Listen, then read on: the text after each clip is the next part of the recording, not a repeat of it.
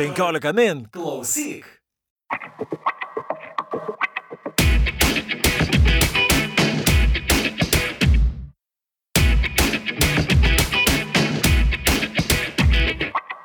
Sveiki, jūs įsijungėte 15 min klausyk podcastą apie technologijas ir gyvenimą Technotronika. Aš esu Gediminas Galkauskas.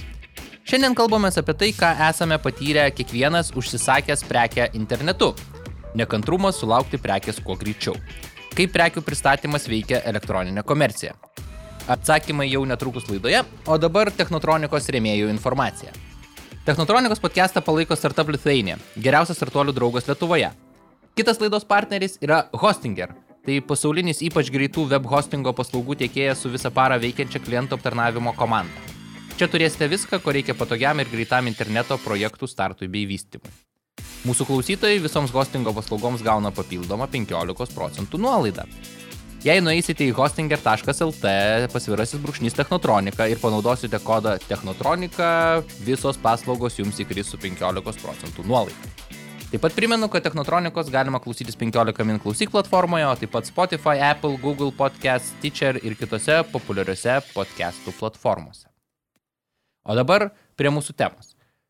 Lietuvos statistikos departamento duomenimis pirmąjį šių metų ketvirtį dažniausiai internetu buvo perkami drabužiai, avalinės sporto prekės. Tai 57 procentai visų elektro, elektroninės prekybos vartotojų darė. Antroje vietoje buvo namų ūkio reikmenis. Juos įsigijo 44 procentai elektroninės komercijos vartotojų. Visus šios dalykus reikia, kad kažkas pristatytų. O juk ne visi perka per Barborą, kuri pristato ir prekes. Lietuvoje būtent dėl elektroninės prekybos apimčių didėjimo labai išpopuliarėjo paštomatai. Mes perkame internete daugiau, o prekių norime kaip įmanoma greičiau. Šio laikinio žmogaus nekantrumo parodo tai, kad apie penktadalis visų apleidžiančių savo elektroninių pirkinių krepšelį tai padaro todėl, kad prekės pristatymas yra per lėtas. PricewaterhouseCoopers tyrimo duomenimis net 88 procentai perkančiųjų prekes internetu yra pasiryžę mokėti papildomai už prekės pristatymą tą pačią dieną. Pagal gaušipo prekių pristatymo tyrimą net 68 procentai verslų prekių pristatymą įvartina kaip didžiausią iššūkį. Ir šiandien apie prekių pristatymo vingius ir užkulisius kalbuosi su vienu sėkmingiausių pastarųjų metų startuolių Lietuvoje Ziti City. Vienu įkūrėjų ir vadovų Laimonu Noreika. Sveikas, Laimonai. Sveiki. Tai kaip trumpai papasakotum, ką daro Ziti City? O ir kaip visą laiką aš e, savo svečių prašau, kad taip paprastai, kad suprastų ir praeivis gatvėje, ir močiutė kaime. Ziti City padeda įmonėms parduoti daugiau, naudojantis greitų prekių pristatymų. Ir tos įmonės, kurios naudojasi Ziti City platformą, jos šiuo metu gali pristatyti prekes vidutiniškai per 42 minutės. Ir tas prekes pristato miesto gyventojai, kurie tiesiog turi šiek tiek laisvo laiko ir nori tuo laisvu laiku papildomai užsidirbti. Tai mes jiems suteikėm tokią galimybę įsijungti programėlę ir priimti tą užsakymą, kuris yra galbūt pakeliu jiems važiuojant iš darbo į namus ir pristatyti siuntą savo kaimynui. 42 minutės. Oho. Uh, ir žmonės, na, iš principo, na, jeigu teisingai suprantu, tai nėra, na, profesionalūs kurjeriai. Tikrai taip. Uh, kaip jūs tai galite padaryti su na, neprofesionaliais kurjeriais, ne? A, kokio dydžio tinklas tai turėtų būti, kad galima įgyvendinti nu, tokio greičio pristatymą? Mhm. Tai pagrindinis dalykas, kuris leidžia greitai pristatyti siuntas, yra, kad mm, mes siekime kiekviename mieste turėti kurjerių, žmonių, kurie nori pristatyti prekes šalia e-komercijos parduotuvių sandėlių ir, ir, ir, ir, ir taip pat ir fiz, fizinių prekybinių vietų. Kaip pavyzdys, šiuo metu Vilniuje turime kiek daugiau nei 400 aktyvių kurjerių, kurie bet kada gali priimti tavo siuntą ir, ir pristatyti ją tau. Tai vidutinis atvykimo laikas iki pristatymo paėmimo vietos šiuo metu yra 15 minučių, Ateityje tai gali trumpėti ir iki 5 minučių, kai turėsime dar daugiau kurjerių mieste. Tai, kaip paslaptis yra žinoti, kur tie žmonės turi būti, kad jie galėtų greitai paimti prekę, o kai jie jau paima, tai dažniausiai pristatomas yra tiesiogiai jau gavėjui. Tai jie nieko papildomai nedaro ir ta paskutinė atkarpa užtrunka apie 15 minučių, kai jau turi prekę. O tai, uh, jeigu teisingai suprantu, jis ima konkrečią prekę ir veža konkrečiam uh, klientui, ne, užsa, užsakovui, tai nėra taip, kad jisai susirenka ten prekių krepšelį ir pakeliu išvežioja tą krepšelį na, įvairiems žmonėms. Dažniausiai tai, na, tai yra, kad paima vieną prekę, tada jisai važiuoja. Jeigu pakeliui yra galimybė paimti dar vieną prekę, tai sistema jam rekomenduoja, kad jisai gali užsukti dar ir į šalia esančią parduotuvę, paimti jau paruoštą siuntą. Tai kurjeriai patys kaip krepšelį nesurinkinėja, už tai juos padaro prekybininkai, jie tik tai atvyksta ir pasako, kad aš esu ziteris iš Zity City, atvykau paimti uh, to ir to dalyko, kurį, kur, kurį noriu pristatyti.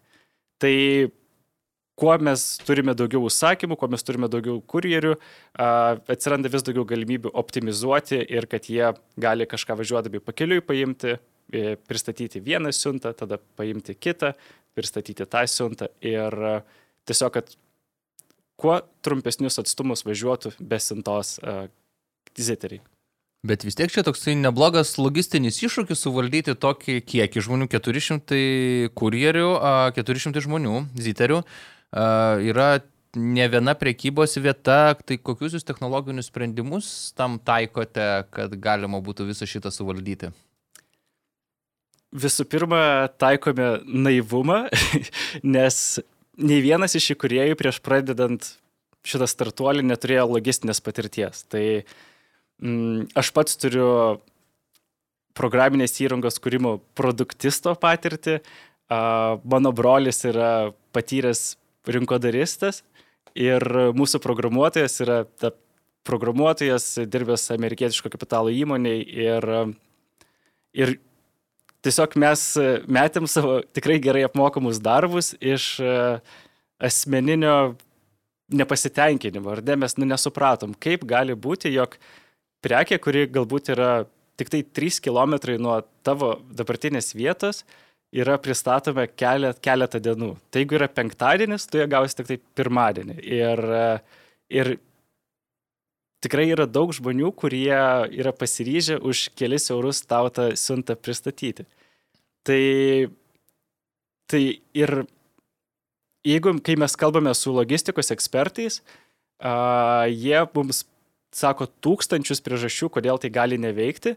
Ir kadangi mes neturėjome tos patirties, mes, na, apie juos nežinojome tos dalykus, juos ignora, ignoravome ir dabar matome, kad tai duoda savo vaisius, kad sukūrėme tokią platformą, tokią technologiją, kuria net naudojasi tradicinės logistikos kompanijos, šiuo metu net kreipiasi į mus patarimų, kaip reikia daryti tos pačios dienos pristatymus ir kaip turi vykti pristatymai urbanistiniai aplinkoje. Tai, tai aš tokias kaip mm, pagrindinės sėkmės priežastis, kodėl mums pavyko pasiekti tokių greitų pristatymų skaičių, buvo startas nuo tuščio lapo, ar ne, viso, viso proceso pergalvojimas. Ir kol kas tai veikia, dar vis išliekam naivus ir, ir, ir, ir tokiu pačiu principu bandysime spręsti problemas ir ateityje, kurių tikrai daug turime. Tai čia toksai klasikinis pavyzdys, kad paprastai žmonės tikriausiai patys savo problemų ne, ir iššūkių prisikūrė ir tada jos bando spręsti. Ir kai nežinai, kartais įsisprendžia. Bet man vis tiek įdomu, ar tai labiau tada yra metodika ar technologija.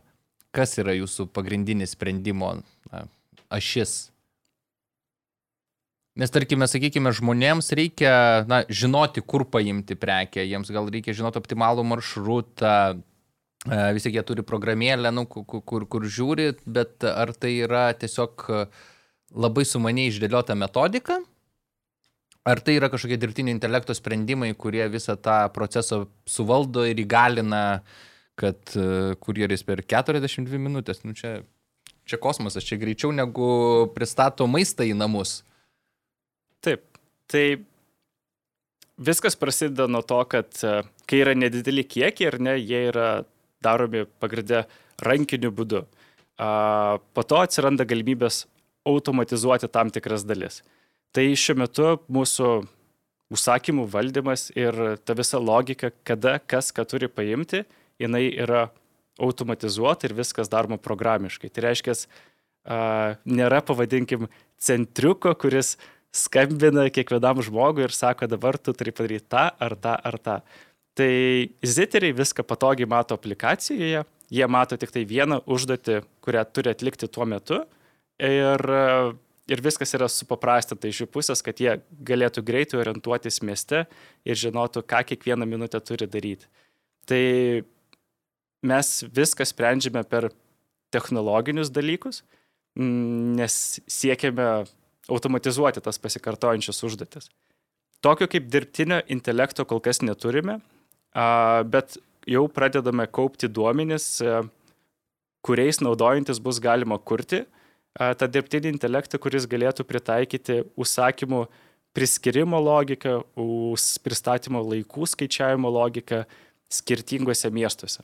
Tai šiuo metu mūsų modeliai veikia, tarkime, Vilniuje, kai turėsime jų dirbtinį intelektą, tai bus galima panašius modelius tiesiog pritaikyti naujose šalise ir juose veiks. Bet šiuo metu mes tiesiog renkame dar tos pirminius duomenis, nes užsakymų darome tūkstančiais per mėnesį. Mm, pasitelk dirbtinį intelektą bus prasmė, kai darysime dešimtimis tūkstančių per mėnesį užsakymų.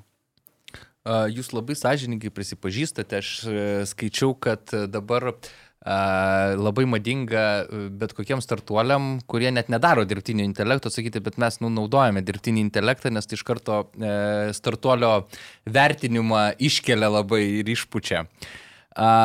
Bet okei, okay, tai kokie žmonės prisijungia prie jūsų? Kas yra ziteriai ir kas juos motivuoja?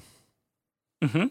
Tai ziteriai Ziteriu gali tapti kiekvienas miesto gyventojas. Mes turime kelias e, po populiaresnės demografinės grupės, kuo e, tai dažniausiai ziteriais būna studentai, kurie ieško patogaus būdo, patogaus pajamų šaltinio suderinti su studijomis. Ir toks siuntų išvežiojimas tikrai puikiai tinka, nes tiesiog išvežioji tuo metu, kai neturi paskaitų ar neturi atsiskaitimų. Labai patogu tada visa kita dalis yra tikrai mm, mišraus profilio žmonės, ar ne? Tai turime ir inkasatorių, kurie dirba e, ziteriais, turime mokytojų, e, dainininkų, e, teatro aktorių, kurie... Aš jau perklautrauksiu iš karto jo. dainininkų, bet jaučiu negalite atskleisti, kas čia nais pristatinėja iš mūsų žvaigždžių.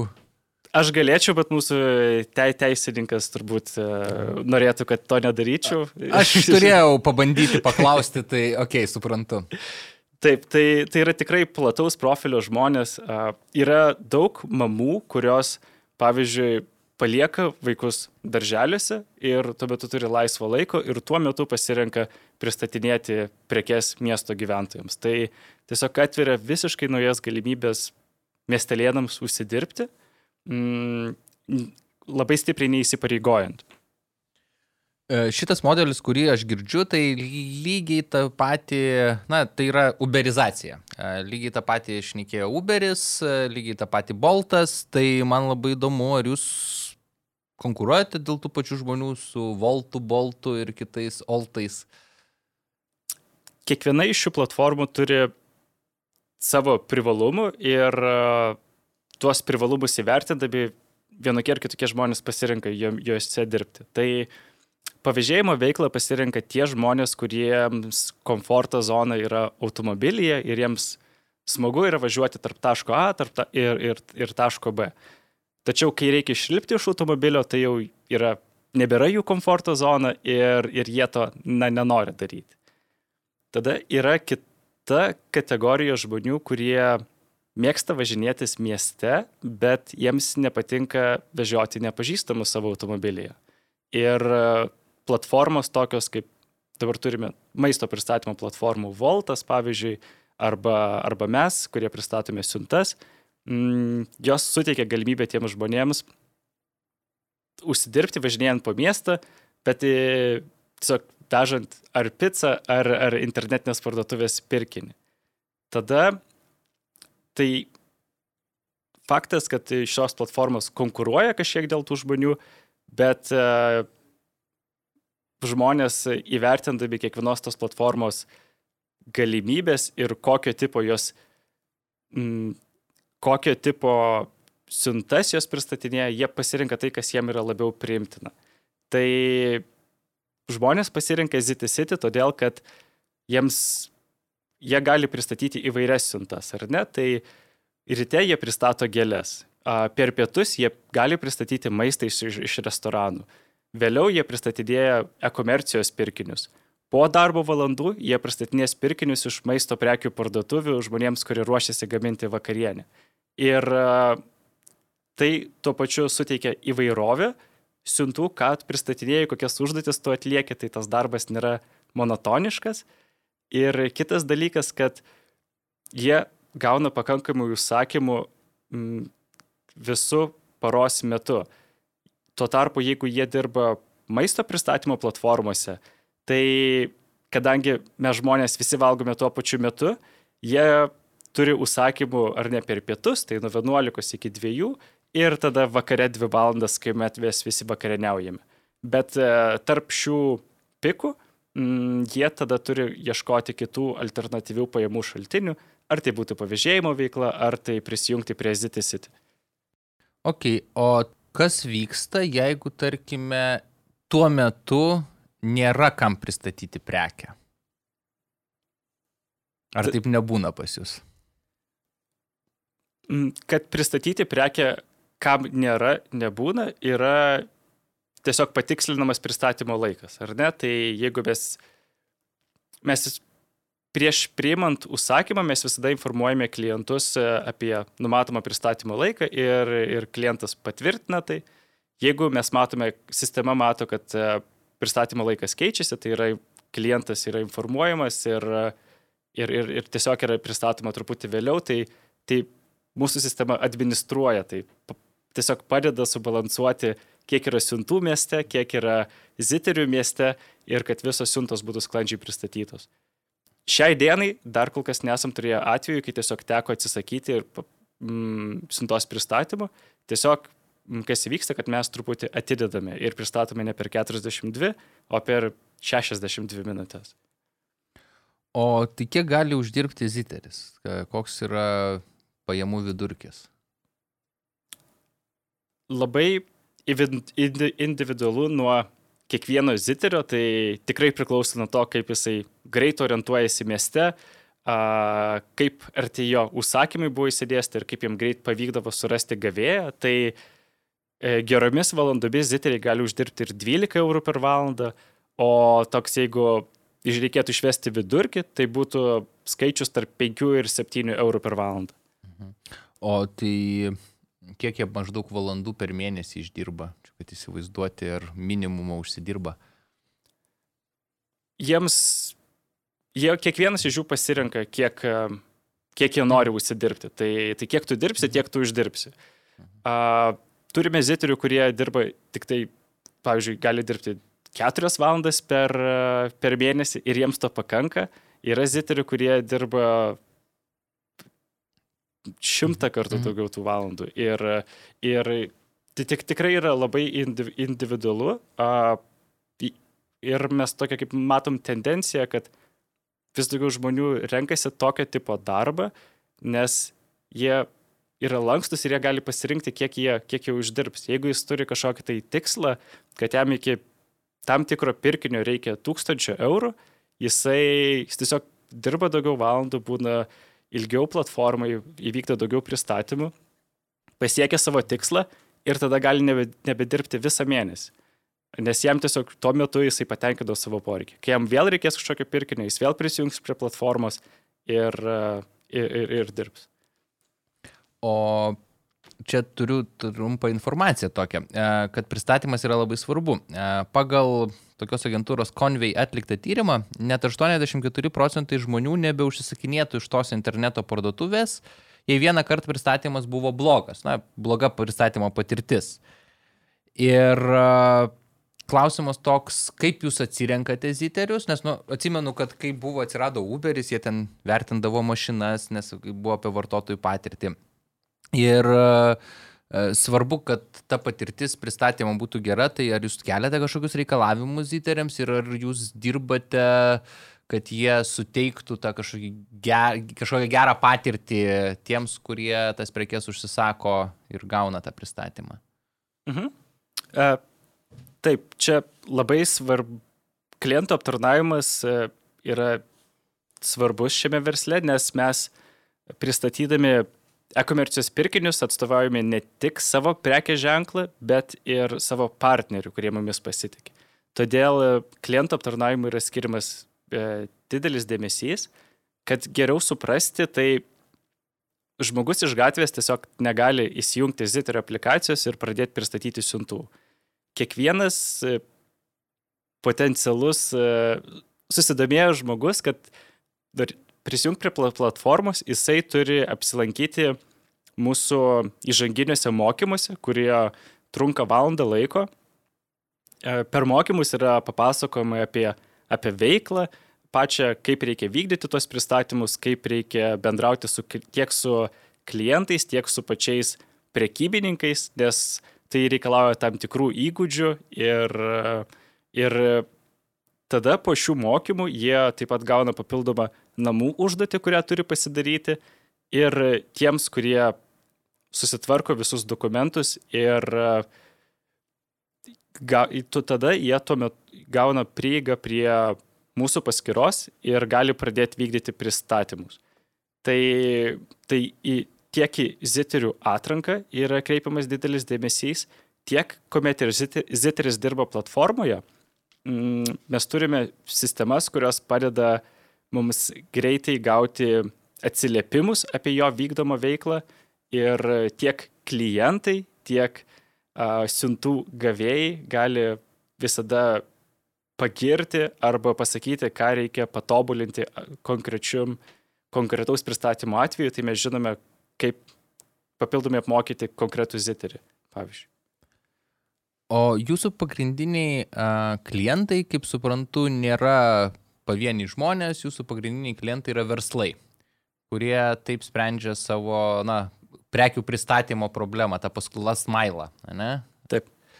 Uh, tai kokie tai yra verslai ir ar jie pastebi, na, kad jų efektyvumas pagerėjo, tas pajamingumas, nes pats minėjai pradžioje pristatydamas, ką daro ZTCity, kad jūs iš principo padedate tas pajamas didinti.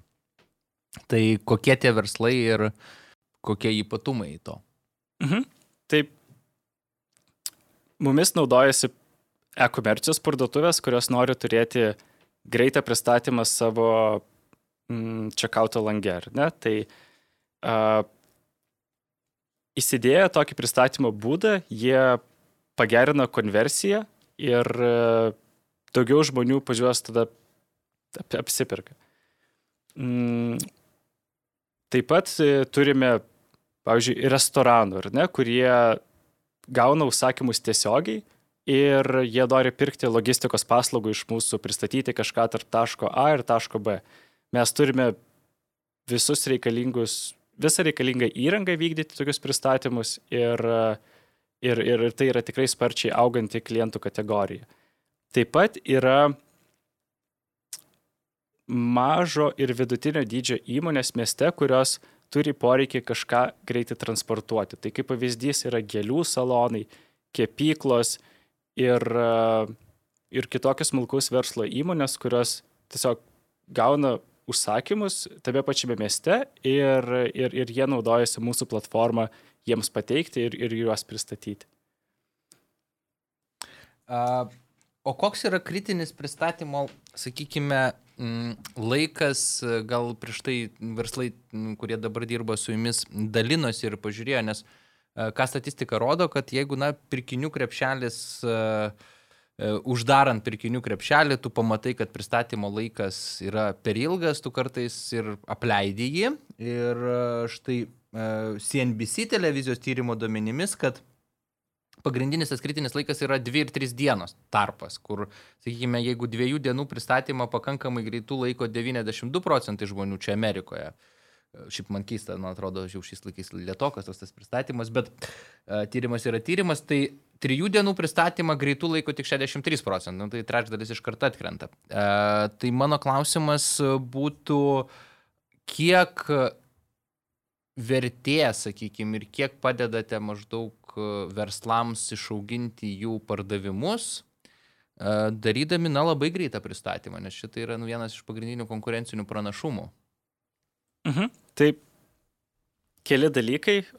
Mūsų turimais duomenimis 25 procentai klientų, potencialių klientų palieka e-parduotuvę, jeigu jie neranda tos pačios dienos pristatymų.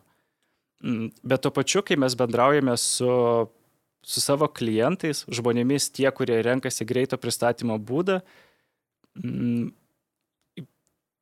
su, sužinojome, kad jiems taip pat svarbu yra ne tik greitai gauti siuntą, bet e, taip pat svarbu yra tiksliai žinoti, kada jinai atkeliaus. Tai nes e, iki šiol, kai rinkdavaisi pristatymą internete, tu turėdavai įsipareigoti, tarkime, 8 valandas e, laukti siuntos konkrečių adresų ir kartais net nežinodavai, kurią dieną ta siunta bus pristatyta tau. Mm, todėl mes suteikėme galimybę e-parduotuvėms turėti vienos valandos tikslumo pristatymo laikus ir tada aš kaip klientas galiu pasirinkti, kad noriu gauti prekę nuo 6 iki 7 valandos iš savo mėgstamos e-parduotuvės tiesiai į, į savo namus, nes jau 8 val. važiuosiu į gimtadienį ir man reikės tos prekės, kurią aš, aš dovanosiu. Tai, tai tiek yra svarbu pristatymo greitis ir tiek pat svarbu tas tikslumas, e, kada jinai atkeliaus. O tai yra papildomai mokama paslauga klientui, jeigu aš tarkim, aš neužsisakinėjau niekada uh, su Ziti City, tai prisipažįstu, tai nežinau, tai yra papildomai kainuojanti paslauga man, jeigu aš noriu gauti tą prekę per vieną dieną.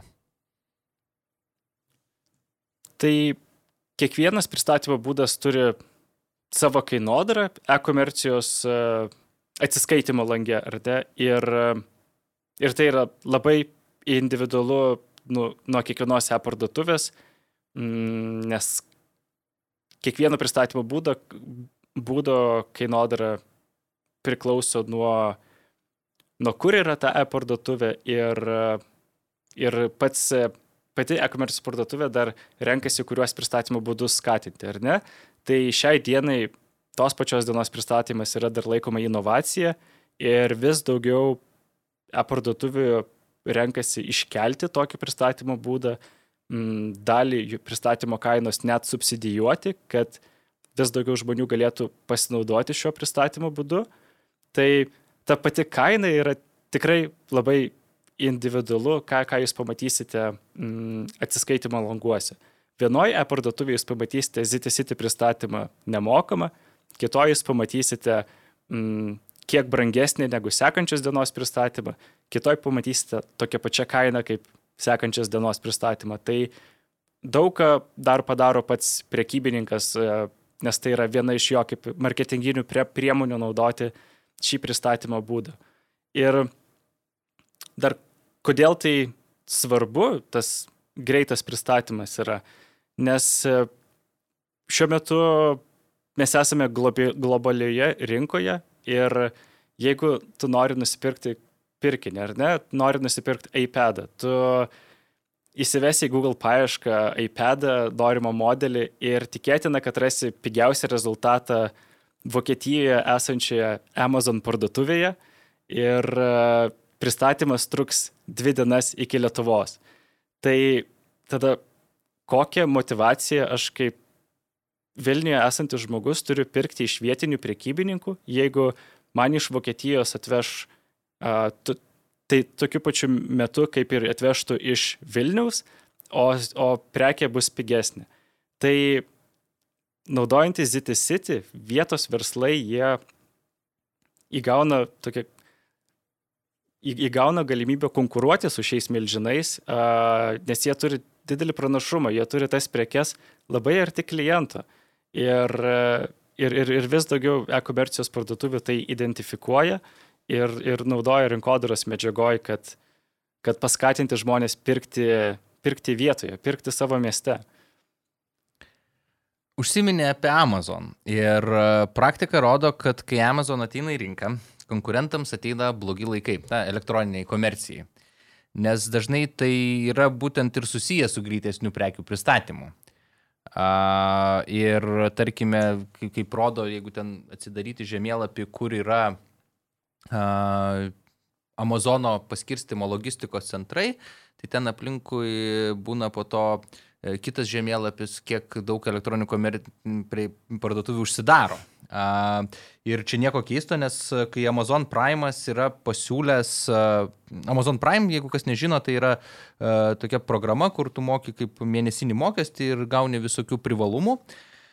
Tai Amazon Prime jau siūlo, pavyzdžiui, nemokamą pristatymą kitą dieną, tai čia visiems be išimties yra dalis uh, dalis tų, kurie gauna ir netgi tą pačią dieną priklausomai nuo to, kokiam mieste esi. Ir dabar žmonės netgi pradėjo, nu, tie, kas Amazon Prime susidūrė, e, nu, čia ne Lietuvoje, čia Amerikoje, bet jau galvoja, kad apskritai tas pristatymas, labai greitas pristatymas nieko nekainuoja. Ir e, Amazonas, e, turiu tokius duomenis, 2017 metais vien tik pristatymo tam visam shippingui ir, ir pristatymui prekių jie išleido 22 beveik milijardus JAV dolerių. O 15 metais tai buvo išleidę 11,5 milijardo JAV dolerių, tai čia beveik 100 procentų augimas gaunasi.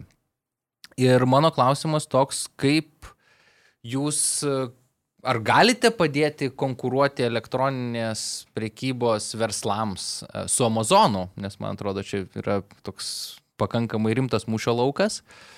Ir kaip jūs tai galite padaryti, kai tokios investicijos eina iš Amazono, milijardinės?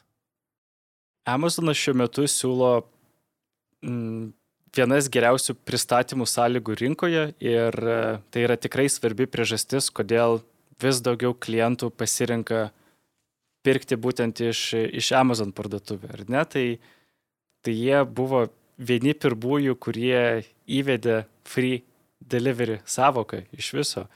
Uh, ir, ir kaip ir minėjote, jie, jie iki šiol daug investavo, uh, ir visiškai šviežiai paskelbė, kad investuoja šiuo metu rekordinę sumą dar labiau praplėsti m, mm, greitesnio pristatymo zoną. Tai ir tai vyksta ne tik Amerikoje, bet jau ir Europoje. A, Prancūzijoje, Vokietijoje Amazon platformos turi didžiausią elektroninės prekybos rinkos dalį. Ir, ir jinai didėja. Ir jinai didėja sąskaita tuo, kad vietinės įmonės, kaip minėjote, jos turi užsidaryti, nes jos nebegali konkuruoti. Mes norime pakeisti tai ir, ir padėti tom vietiniam įmonėm pasiūlyti net geresnius pristatymų būdus, negu turi Amazon. Tai tos kiekviena iš tų įmonių individualiai žinoma, kad jie neturi milijonų investuoti į sistemą, bet mes kūrėme vieną alternatyvę platformą logistikai, kuri prilygtų Amazon ir net pralenktų. Tai šiuo metu mes galime pristatyti greičiau negu Amazon, mm, siūlydami vienos valandos pristatymą. Jie tą siūlo tik tai a, keliose rinkose. Ir, a, ir mes jau iki šiol esame nemažai investavę. Platformai augant mes a, ir toliau pritraukime investicijas ir, ir, ir kūrime tokį produktą, kuris leistų individualiems prekybininkams ne tik, kad išlikti e-komercijoje, bet tuo pačiu ir, ir, ir net siūlyti inovacijas, naudojantis tokių greitų pristatymų. Tai mes, kaip pavyzdys, turime partnerių šiuo metu, kurie ruošia integracijas drabužių pristatymų segmentui, ar ne, ir bus ziteriai pristatys tau drabužius į namus, jie palauks, kol tu pasibatuosi ir parveš atgal į parduotuvę tai, kas tau netiko. Amazon tokio dalyko kol kas pasiūlyti negalės ir čia yra tik tai vienas iš pavyzdžių, mm, kaip mes suteiksim kitoms įmonėms galimybę konkuruoti su Amazon, nes turbūt nei vienas iš mūsų nenorim, kad liktų viena dominuojanti platforma, nes ilgainiui kaip pirkėjai nukentėsime. Su to visiškai sutinku ir tik tai man klausimas, uh, vis tiek pagrindinis jūsų tas konkurencinis veiksnys šiuo atveju tada yra žmonės, tas pats model, uberiz, uberizacijos modelis. Šiuo metu mūsų sintas pristato žmonės, ar ne, su savo transporto priemonėmis. Ir, ir pati EasyTCity kaip platforma, jinai apjungia e-komercijos parduotuvės ir kitas įmonės, kurios turi greito pristatymo poreikį mieste ir tada suranda tinkamiausią būdą pristatyti siuntas klientams numatytų laiku. Dažniausiai tą pačią dieną arba net tą pačią valandą. Šiuo metu siuntas pristato paprasti žmonės, naudojantis savo automobiliais. Ir ateityje bus naudojama vis daugiau įvairesnių transporto priemonių ir pristatymo būdų. Ir ZTCity kaip platforma atliks uždavinį, kad suras tinkamiausią būdą įvykdyti tą transakciją mm, kliento numatytų laiku. Aha, tai jūs ne, čia labai įdomus kampas. Jūs kalbėdami apie ateitį, na, neprisirišate, kad tai bus, na, tik tai laisvai samdomi žmonės, kurie tai darys. Tikrai taip, tikrai taip. Tai m, šiai dienai mes integruojame kuo daugiau šaltinių, iš kur ateina siuntos, kūrėme logiką, kaip jas konsoliduoti ir kuo efektyviau pristatyti greitai mieste ir parenkame tinkamiausią būdą jas pristatyti. Tai dabar pristatome vienu būdu, ateityje bus e, papildyta ir, e, ir, ir kiti pristatymo būdai. Tai kelis pavyzdžius galiu pasakyti, tai ir tai labai priklauso nuo kiekvieno miesto, ar ne? Tai Vilniuje šiuo metu turime 90 procentų ziterių dirba su automobiliais, 10 tik tai su dviračiais.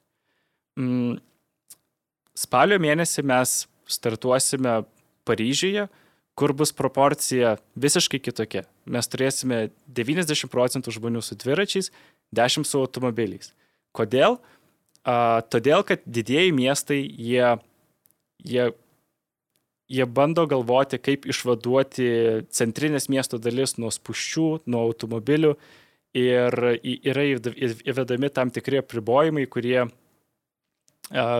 reikalauja kitokių sprendimų.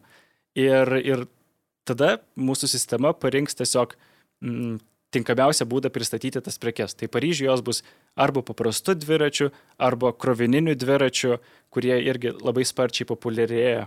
Tai bet čionais yra mm, artimuoju laikotarpiu.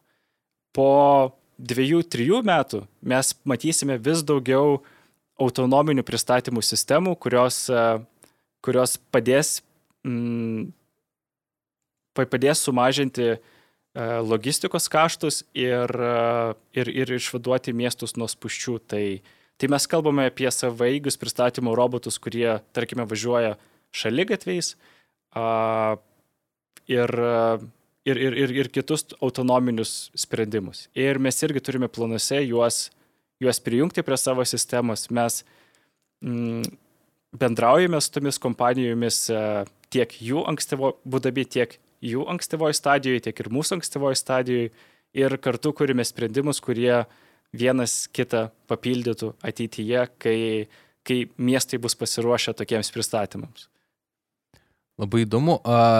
Man teko, na, visiems teko tikriausiai girdėti apie tą, kad Amazonas investuoja pristatymus dronais. Teko man skaityti apie tai, kad netgi yra kuriami specialūs pristatymų savaigiai autobusiukai, kurie ten pakraunami yra ir jie važiuoja ir išmetinėja prekes tinkamose vietose. Čia kaip Amerikoje ten rodo, kaip laikraščius išvežioja ir, ir meta prie. Tai pabaigai, kaip atrodys tas prekių pristatymas ateityje, nežinau, po penkių metų, kai aš užsisakysiu prekę ar lietuviškoje elektroninės komercijos parduotuvėje ar Amazonė, kaip tas pasieks mane produktas? Mhm. Dažnai, jeigu galvojame apie ateities pristatymo būdus, m, patogiausiai įsivaizduoti yra skrendantį droną, kuris turi pačioje prikabintą dėžutę ir pristatys ją tau m, į kiemą. M, realybė yra tokia, kad e, miestuose mes maty, matysime nedaug dronų, nes dėl įvairių oro erdvės apribojimų ir, ir saugumo sumetimų mes nenorime, jog dūkstų virš galvų tūkstančiai dronų, kurie gali bet kada nukristi ir, ir, ir sužeisti žmonės. Todėl dronai, dronai bus labiau naudojami pristatymams į sunkiai pasiekimas vietas, tai yra į kur tiesiog nėra patogaus kelio privažiuoti, pristatymas į kalnus. Ir miestuose matysime ir po 3-5 metų mes vis dažniau matysime autonominius pristatymo robotukus, kurie tiesiog važinėja šalygafiais. Mm, kaip pavyzdys, mūsų kaimynai yra Estijos kompanija Starship Technologies, įkurta buvusių Skype'o bendrai kuriejų. Jie jau kūrė tokią sistemą, jie jau yra įvykdę paskutiniais duomenimis 100 tūkstančių komercinių pristatymų, jie šiuo metu pristatinėja universiteto kampusuose. Mm, ir kuo ir jie dabar tobulina technologiją, kad, būtų, kad ją būtų galima pritaikyti ir miestų gatvėse, kuomet jie bus galima pritaikyti miestų gatvėse, mes šios ir kitus autonominius pristatymo būdus galėsime prijungti ir į ZTCity platformą, nes turėsime jau visas e-komercijos parduotuvės ir logiką, kaip konsoliduoti tas siuntas, tai autonominės sistemos papildys mm, siuntas atliekamus e, žmonių. Ir, ir mes turbūt nematysime kažkokio kardinalaus pakeitimo, ar ne, kad robotai pakeis žmonės. Mes matome, kad jie dirbs sinergijoje ir vienas kitą papildys, nes vis tiek žmonėms patinka gauti prekes į, iki pat durų, dar yra ilgas laikas, kol robotai galės patogiai užlipti laiptais, tokie robotai yra labai labai brangus ir, ir tą tokią tikrą, tikrą lest uh, 50 metrų dažnai atliks žmonės, o, o kažkokius pervežimus miestuose atliks autonominės sistemos. Taip. Labai įdomu su tais robotukais, aš tai pagalvojau, kad Vilniuje jau dabar piktinasi, kad reikia šalygatvis dalinti su paspirtukais, tai po penkių metų bus šal... ne tik paspirtukais, bet ir robotukais pristatančiais prekes. Uh, A, tai laukia įdomi ateitis. Ačiū už visą pristatymą, e, Laimonai. Ačiū, malonu buvo. O aš primenu, kad Technotronikos podcastą palaiko Startup Lithuania, geriausias startuolių draugas Lietuvoje ir laidos partneris Hostinger. E, mūsų klausytojai visoms hostingo paslaugoms gauna papildomą 15 procentų nuolaidą, tai reikia nueiti į hostinger.lt pasvirasis brūkšnys technotronika ir panaudoti kodą technotronika. O taip pat jūs galite užsisakyti mano rekomenduojamų podcastų naujienlaiškį, kuris išeina kiekvieno mėnesio pirmąjį penktadienį. Aš ten dalinuosi rekomendacijomis podcastų apie technologijas, marketingą, popkultūrą, verslą, žmonių elgesį ir bet kokią kitą temą, kuri man atrodo įdomi. Daugiausia podcastų yra anglų kalba ir jei įdomu užsisakyti šitą naujienlaiškį galima adresu bit.ly pasvirasis brūkšnys audio istorijos. Ši nuoroda bus ir podcast'o prašyme visose platformose, kur be klausytumėte. Ir taip pat primenu, kad Technotronikos galima klausytis 15 min klausyk platformoje ir Spotify, Apple, Google Podcast, Stitcher ir beveik visur, kur jums patogu. Tiek šiandien, iki susitikimo po dviejų savaičių.